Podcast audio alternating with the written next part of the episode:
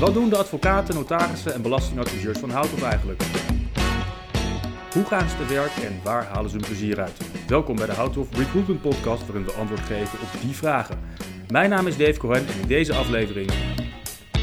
Jan-Willem de Groot, advocaat sinds 2002 en nu 13 jaar bij Houthof en ik heb in Groningen gestudeerd. Welkom Jan-Willem. Wat doe je bij Houthof? Ik ben advocaat um, op het rechtsgebied wat wij noemen corporate litigation. En dat wil zeggen dat uh, ik me bezighoud met uh, geschillen die vaak transactiegerelateerd zijn. Dus die verband houden met de M&A-praktijk, bestuursaansprakelijkheidskwesties, aandeelhoudersconflicten, ondernemingskamerzaken, dat soort kwesties. We gaan vandaag een van die zaken eruit lichten. De zaak Elliot versus Axel Nobel. We moeten drie jaar terug in de tijd. Dat was toen wereldnieuws. Kun je nog even uitleggen wat die zaak behelst? Ja, die behelst nogal wat, um, maar ik zal het kort houden. Het kwam er eigenlijk op neer dat de aandeelhouders, in ieder geval een grote groep van de aandeelhouders, uh, vond dat Axo Nobel zou moeten worden opgesplitst in een chemie en in een verfdivisie. De stelling was, die twee uh, die horen eigenlijk niet bij elkaar. Er is weinig synergie. En als je die dan toch in één uh, familie houdt, dan kost dat alleen maar geld in plaats van dat het wat oplevert. Nou, daar uh, had uh, Axel Nobel uh, geen zin in, in die opsplitsing. Dus die hebben zich daartegen verzet. En Elliot heeft toen het gesprek opgestart met Axel Nobel... om ze ervan te overtuigen dat ze dat toch moesten doen. Elliot, dat zijn Amerikanen? Nou, ze zitten ook in, ook in Engeland en ook in Tokio. Uh, maar Elliot Advisors heeft het, vindt haar oorsprong inderdaad in, uh, in New York. Ja, Klopt. Dat, ja. dat is zijn een kapitaalkrachtige partij. Behoorlijk, ja. ja, ja. Die, die wel vaker uh, in het nieuws is in ieder geval, omdat zij aandeelhouders willen activeren. Zeg ik het dan uh, goed? Dat kan, maar ze zijn zelf ook een actieve aandeelhouder. Alleen omdat ze heel veel deskundigheid hebben en inderdaad ook heel kapitaalkrachtig zijn, hebben ze het, zijn ze in staat om een flink belang te nemen in beursgenoteerde ondernemingen. En dan met name ook in beursgenoteerde ondernemingen waarvan zij denken dat daar iets zou moeten gaan veranderen. En omdat ze zo succesvol zijn, gebeurt het regelmatig dat als Elliot ergens instapt, dat andere partijen ook instappen. En je denkt, hé, hey, daar kan misschien wel eens iets, kan gaan, uh, iets, iets gaan gebeuren. Dat, uh, uh, dat is een partij waar die misschien eens uh, flink de zaak gaat opschudden als daar, als daar een aanleiding toe is. En dat is interessant, dus dat, heeft, uh, dat gaat meestal niet onopgemerkt voorbij. Nee, zo ook niet drie jaar geleden. Elliot wilde dus dat Axel Nobel de zaak zou opsplitsen. Nou, dan is dat niet per se 1, 2, 3 gezegd dat dat gebeurt. Daar is een advocaat voor nodig. Dat ben jij, dan gaat op een dag de telefoon? Of? Nou, dat, dat, dat opsplitscenario, dat was nog niet echt advocatenwerk. Dat is gewoon, dat zijn analisten van Elliot die rechtstreeks praten met analisten van Axel Nobel. Uh, en aan de hand van gewoon ja, allerlei bedrijfseconomische analyses proberen uit te leggen waarom zo'n opsplitsing wel of niet een goed idee is. Dus dat is nog helemaal niet conflictueus daar waar de advocaten echt in het spel kwamen, uh, dat was het moment waarop uh, PPG uit uh, Amerika met een, um, een zogeheten ongevraagd overnamebod kwam ten aanzien van Axo Nobel. PPG is een concurrent. Dat is een concurrent. Beide zijn ze volgens mij top 5. Ik geloof twee, nummer 2 en 3 op de wereldwijde verfmarkt. En PPG zei ja, ik, ik zie daar een concurrent en die kan, die kan rendabeler worden. Dus die wil ik overnemen. En wat er dan gebeurt is dat zo'n partij als PPG dan een premie biedt, een premium biedt ten opzichte van de beurskoers. En daarmee beleggers probeert te verleiden om de stukken aan te bieden aan de bieder. En dan wordt het interessant, want ja, dan ga je kijken in hoeverre mate beleggers bereid zijn om hun stukken te verkopen. Dus stel de beurskoers is 40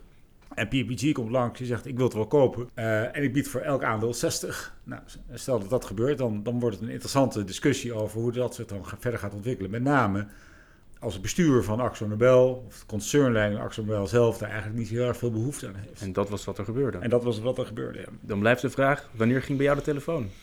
Hoe gaat zoiets? Nou, wij waren uh, al enige tijd bezig met Axo Nobel vanuit onze fusie- en overnamepraktijk. Uh, dus het is niet zo dat, dat Axo Nobel, um, of pardon, dat, uh, dat Elliot rechtstreeks bij mij aan de telefoon hing. Uh, wij werkten met, uh, in deze zaak heel nauw samen met onze fusie- en overname-advocaten. En dan met name team uh, onder leiding van Alexander Karels. en daar werd al langer geadviseerd over deze kwestie. Maar op een gegeven moment zie je dat de, de zaak wat verhardt. Dan gaat er ook vaak eerst een formele brief uit. van Elliot aan Axel Nobel in dit geval. Ehm, en in die brief wordt uiteengezet dat mensen zich zorgen maken over de wijze van communiceren van de vennootschap, over hoe wordt omgegaan met de corporate governance. Dat is een explosief moment. Op het moment dat, zo'n brief eruit gaat, dan staat alles op scherp. Nou, dat, dat, kan, dat kan een bepalend moment zijn. Want dat is wel de eerste keer dat de discussie eigenlijk nou ja, wat breder wordt getrokken. Zo'n brief die komt ook nog wel eens in de publiciteit terecht. Um, dus dat is wat anders dan een vertrouwelijk geprivilegeerd gesprek tussen concernleiding en, en actieve belegger. Of, of aandeelhouder, zoals, uh, zoals Elliot. En als zo'n brief er is, zeker als zo'n brief op een gegeven moment ook steun gaat krijgen uh, bij andere aandeelhouders, dan heeft dat, dat, dat heeft consequenties. En dat weet ook een vennootschap in kwestie, zoals hier Axel Nobel, die weet, zo'n brief, dat is niet een vrijblijvend stuk waar we op, op enig moment eens een keer op terug gaan komen. Nou, als zo'n moment er is en de reactie stelt teleur, dan is dat het moment waarop er vaak dan bijvoorbeeld nog een brief komt of een gesprek en wordt aangegeven dat men ontevreden is. Nou, hier in Axel Nobel uh, speelde, en ik zal daar niet eindeloos over praten. Maar wat hier gebeurde is dat uh, de uh, aandeelhouders, die van grote groep aandeelhouders teleurgesteld was, dat in eerste instantie dat opsplitscenario onbespreekbaar was. Nou, oké, dan komt er een alternatief. En dat alternatief was het, het, het PPG-overnamebod, waar ik het zojuist over had. En daarvan zeiden grote groepen aandeelhouders dat daar moet je wel serieus naar kijken. Het kan best zijn dat je er geen zin in hebt, maar je moet er wel serieus naar kijken. En goed uitleggen waarom je er dan geen zin in hebt. Exact. En nou ja, of goed uitleggen waarom je het niet in het belang van de onderneming vindt. Want nou ja, ze zullen dat niet gaan zeggen dat ze er geen zin in hebben. Hetzelfde netter gezegd, ja. Dus uh, exact. En nou, daar schoot uh, Axel Nobel volgens een grote groep aandeelhouders tekort. En toen verhardde de situatie. En dan zie je dat zo'n dossier langzaamaan een beetje verschuift van echt klassiek een overname uh, situatie naar meer een, een, ruzie rond een overname. En dan gaat zo'n dossier naar een andere divisie hier op kantoor. En dan ga jij het leuk vinden? Ja, ik vind, dat, ik vind die eerste fase ook heel leuk. Maar op een gegeven moment, als, ja, als de messen moeten worden geslepen, dan, dan worden we wat actiever, laat ik het maar zo zeggen. Ja, ja je gaat er helemaal bij glimmen. ja, dit is dus wat jij leuk vindt. Ja, natuurlijk. Want ja. daar wil ik wel heen. Wat maakt dat zo leuk, zo'n zaak? Is dat het, wel het juridisch deel of is dat die messen slijpen en het beste eruit halen wat er voor je cliënt uit te halen is voor de prijs die zij kunnen krijgen? Nou, het zou denk ik in iedere zaak die wij doen, los van Elliot de Wax van de Bel, altijd het laatste moeten zijn. je moet altijd uh, het, het, het, het allerbeste voor je cliënt weten te realiseren. Tegelijkertijd kan jij het juridische deel daarvan zelf veel leuker vinden. Ja, alleen dat, maar dat zou dan wel een weeffout zijn in mijn eigen systeem. Want dan ga ik dingen doen omdat ik het zelf leuk vind, in plaats van dat het belang van de klant daar voorop staat. En dat kan denk ik niet de bedoeling zijn. Wat leuk is, is dat je hier te maken had met, een, met meerdere scenario's. Met meerdere podia waar we ook ons, ons punt konden maken. We konden naar de voorzieningrechter en we konden naar de ondernemingskamer. We hebben uiteindelijk beide gedaan in deze zaak. Wij, wij vonden dat een nuttige strategie, laat ik het maar even zo samenvatten. Bovendien is het heel leuk in deze zaak, maar ik wil mijn andere cliënten natuurlijk niet tekort doen, dus dat zien we ook daar heel veel. Is dat je te maken hebt met een cliënt, Elliot Advisors, waar een enorme hoeveelheid brainpower achter zit.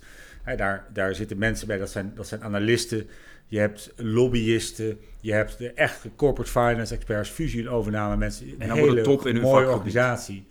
Allemaal de top in hun vakgebied. Absoluut. En dat Ja. maakt het interessant om mee te werken, kan ik me voorstellen. Super. En dat heb je ook nodig, want zij opereren in de top van de markt. Dus zij moeten ook het aller, allerbeste hebben. Maar ja, dat, dat betekent wel dat je dus heel veel strategie-sessies hebt met hen. En super leuk om te zien ook hoe snel zij eh, goede view hebben op wat een advocaat aan het doen is. Terwijl je zou denken, nou ja, dat juridische, dat laten ze dan wel aan ons over. Nou, forget it. Dat, dat vinden ze hartstikke mooi. Dus dan ga blijf je de juridische strategie challengen. En dat zullen ze ook doen totdat eh, het dossier, dossier gesloten is. Ja. Je werkt dan op het scherpst van de snede met allerlei knappe koppen. Hoe was de uitkomst dan voor deze mensen? Ehm, Elliot, kreeg, eh, Elliot kreeg haar zin. Zij wilde juridisch enkele zaken afdwingen. Eh, en daar heeft ze niet eh, op alle onderdelen, is niet op alle onderdelen het gelijk gesteld. Maar de strategie heeft uiteindelijk wel heel goed gewerkt. En nou ja, er is, er is een understanding gekomen tussen de vennootschap, tussen Axel Bel en deze grote groep aandeelhouders. Vergeet niet, we praten nu over Elliot, maar dat was onze cliënt. Maar het ging in totaal om ongeveer 25% van de aandeelhouders van Axel Nobel die opkwam tegen de, de strategie van de concernleiding. En dat waren allemaal hele grote professionele beleggers. En tussen die grote groep en met Elliot als, als aanvoerder en de vennootschap is een understanding gekomen over hoe verder. Er zijn wat corporate governance aanpassingen gekomen. en uiteindelijk is ook de chemiedivisie van, uh, van Axel Nobel verkocht. Met een toezegging van de vennootschap dat een belangrijk deel van de verkoopopbrengst ook ten goede zou komen aan de aandeelhouders. Dus daarmee is die zaak gewonnen. opgelost. Gewonnen is misschien uh, iets te stevig. Uh, in ieder geval tot een goed einde gebracht. Ja. Er is enorm grote media-aandacht geweest voor deze zaak. Je bent uh, meerdere malen op tv zien langskomen. Hoe is dat voor jou als je met zo'n zaak bezig bent en alles wat je doet ligt zo onder een vergrootglas? Ja, het is een bijzondere dynamiek die dat, die dat teweeg brengt. Dat is, ik zal daar niet, zal het niet onder stoelen of banken steken. Dat is wel bijzonder. Um, onderaan de streep boeit het niet echt. Want je, kijk, je, je, je treft heel veel journalisten en cameraploegen bij je pleidooi. Maar als je pleit bij de ondernemerskamer, dan heb je niet eens meer in de gaten dat er links twee of drie uh, camera's staan te draaien. Dus dat boeit allemaal niet zo heel erg meer dan op zo'n moment. En hetzelfde had ik uh, enkele jaren daarvoor in die VND-kwestie die we hebben gedaan. Daar speelde een beetje dezelfde problematiek. Uh, ook daar had je die enorme media-aandacht. Het maakt het wel wat spannend en het maakt het ook wel uitdagend. Um, maar onderaan de streep is het een zaak als, als geen ander. Uh, althans, sorry, als, als, als vele anderen juist. Het wordt toch uiteindelijk op de juridische merites beoordeeld. Maar het, het geeft wel een leuke dynamiek aan het geheel. Ja.